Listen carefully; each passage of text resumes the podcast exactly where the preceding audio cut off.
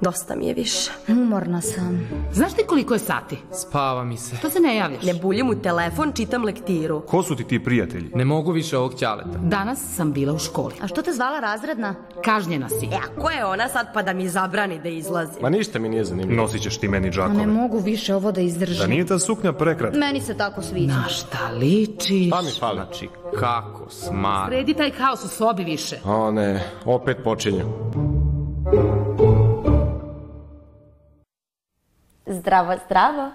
Danas jedna izuzetno bitna tema. Prijateljstvo. Pa koliko vama samo prijatelji znače? Da se nekad isplačete, ispričate, da kažete neki problem, odate neku tajnu. A dešava se da nas prijatelji nekada mnogo opterećuju. Kako onda treba postupiti? To ćemo sve zajedno danas da saznamo.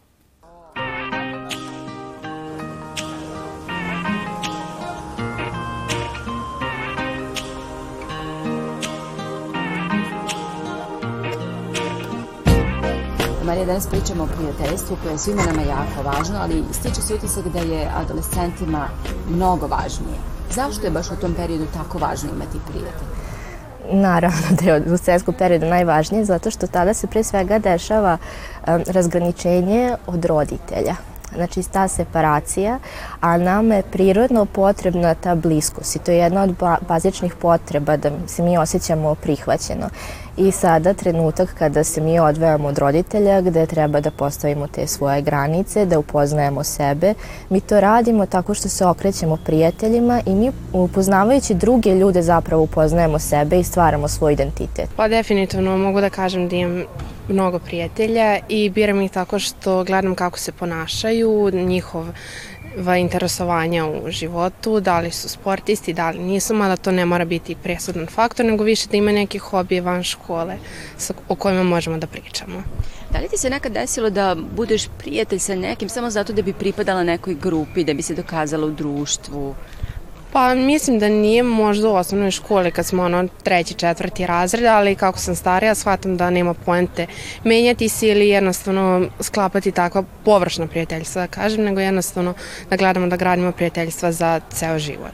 Većinski se gleda da bude dobro društvo, jel te, da ne budu problematični i tako to. Sad kako za koga, ko ti izađe u susret, većinski svi ovde izlaze svakom u susret, pomažu ti za šta god, ako ti nešto nije jasno, uvek ti izađu u susret, tako da generalno prijatelji nađu tebe, ne mora da se sad nije to kao da nešto se potrudiš, generalno to samo dođe vremenom. Najčešće gledam ljude koji onako su veoma opušteni i koji vidim da mogu da imam neke slične interese ili ljude koji uh, su otvoreni da stvore nove interese i onda ja volim da pričam jako o tome šta radim, šta, kako uh, čim, kako provodim vreme i sve to i onda vidim ljude koji imaju strasti za nešto u životu ko, da možemo da pričamo, da menjamo to i da ja možda probam nešto novo i oni da probaju nešto novo.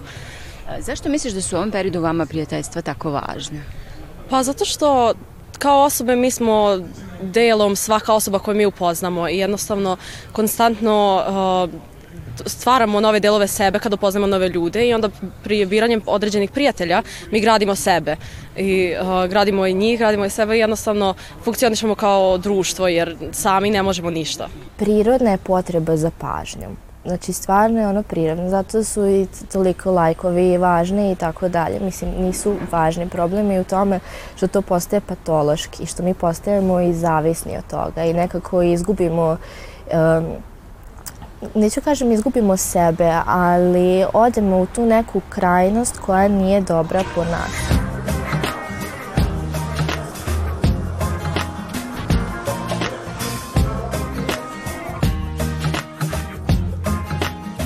Da li ti se nekad desilo da ti neki od prijatelja baš ne prija? Kako onda izbegneš neku situaciju koja ti je neprijatna?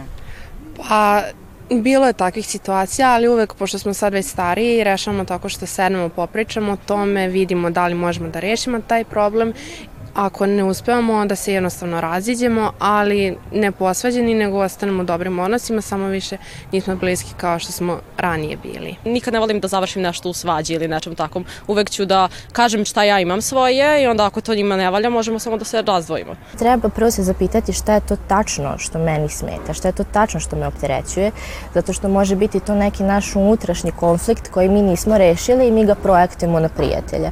I ja smatram da zaista treba biti iskren i razgovarati. Mislim, sa kim ćeš biti iskren ako ne sa prijateljem. Roditelji znaju da, da budu, naravno, ako su brižni, ako je to funkcionalna porodica, a, dosta zabrinuti za okolnosti i posledice jer oni imaju više iskustva i oni nekada i vide nešto što mi ne vidimo.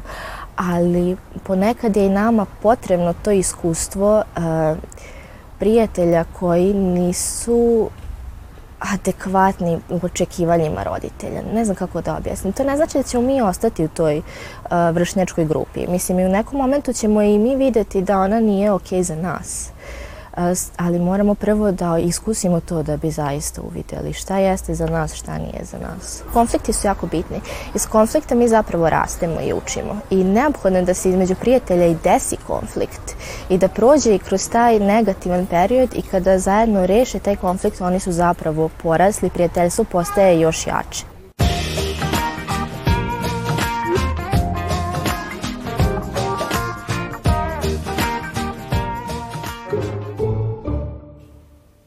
Sada smo saznali šta to prijateljstvo znači i kako treba postupati u kriznim prijateljskim situacijama. A znate kako vam prijatelji mogu pomoći i u učenju?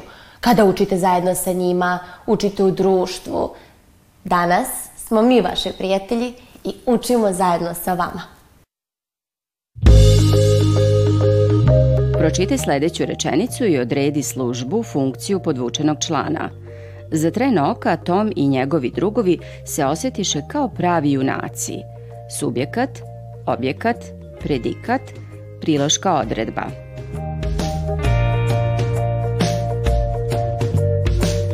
Tačan odgovor, priloška odredba. Da se podsjetimo. U srpskom jeziku svaka reč pripada određenoj vrsti. Međutim, svaka reč nema svoju službu, odnosno funkciju u rečenici. Nekada ima, a nekada ona zajedno sa skupom ostalih reči čini, odnosno ima službu u rečenici. Tako je ovog puta skup reči za tren oka ima službu, odnosno funkciju priloške odredbe za vreme. Ono što je posebno važno da naglasimo jeste da priloške odredbe stoje uvek uz glagole i određuju glagole po mestu, vremenu, načinu, uzroku i količini. To jest, postoje priloške odredbe za mesto, vreme, način, uzrok i količinu. Pažljivo pročitaj odlomak iz istorijskog izvora i odredi godinu u kojoj je mogao nastati. Visoke strane ugovornice priznaju nezavisnost Kneževine Srbije, državne granice Srbije koje su proširene na četiri okruga – Niški, Pirotski, Vranjski i Toplički. 1815. 1835. 1878. 1912.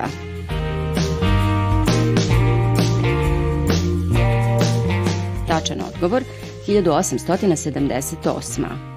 Centralno političko pitanje u Evropi druge polovine 19. veka bilo je istočno pitanje, odnosno pitanje opstanka Turske na Balkanu i samim tim u Evropi. 1875. izbija ustanak Srba u Bosni i Hercegovini. U taj ustanak se ubrzo mešaju velike evropske sile.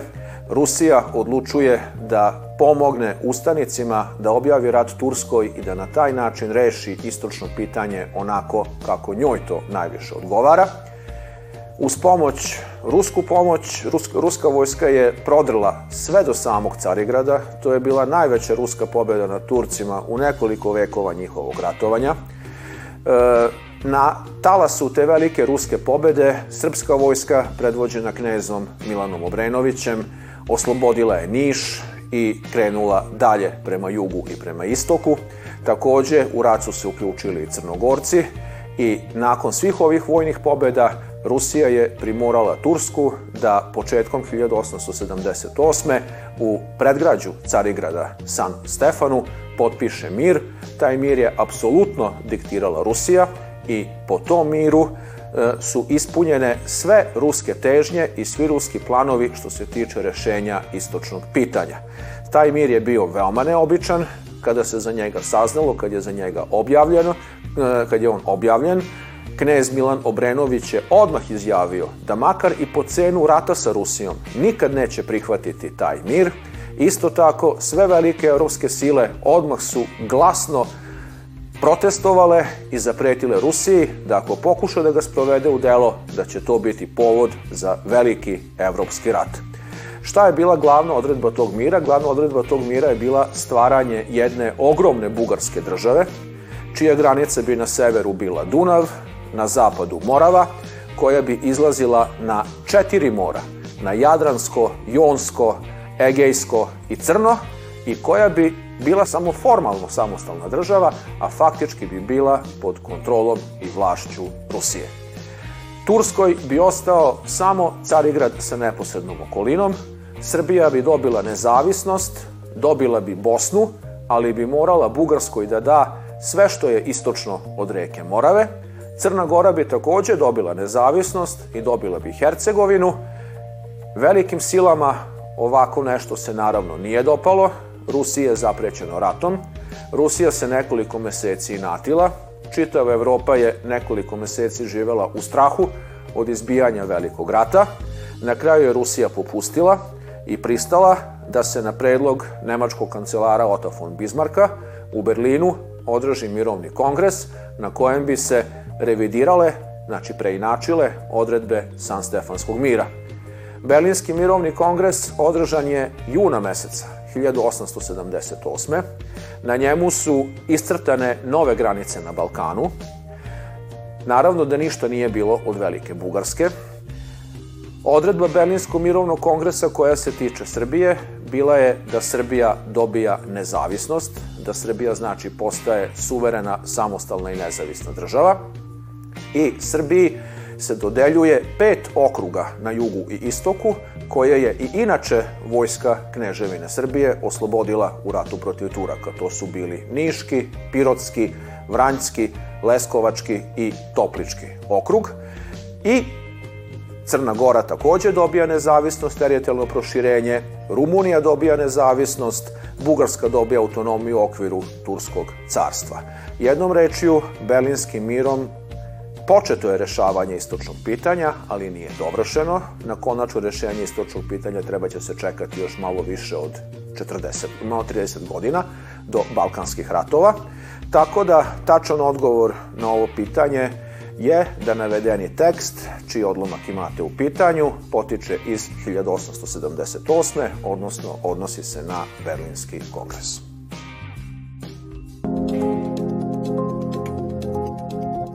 Autor pesme Predosećanje je Vasko Popa, Desanka Maksimović i Sidora Sekulić.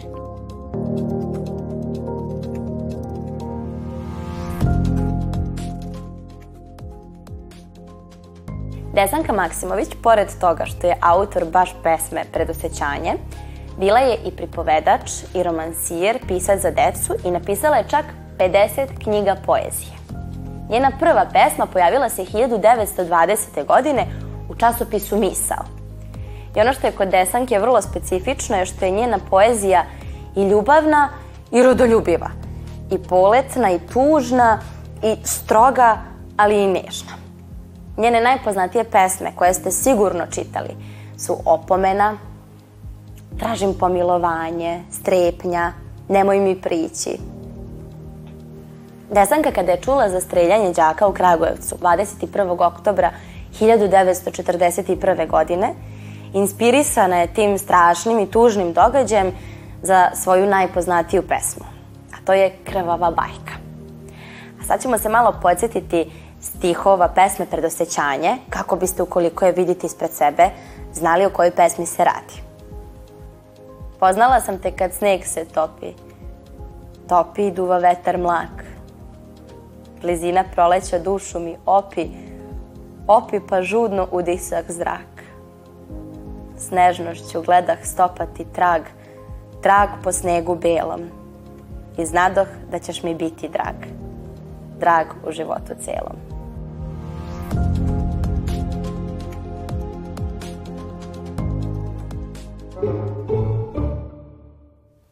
Irska poslovica kaže da je pravi prijatelj kao detelina sa četiri lista.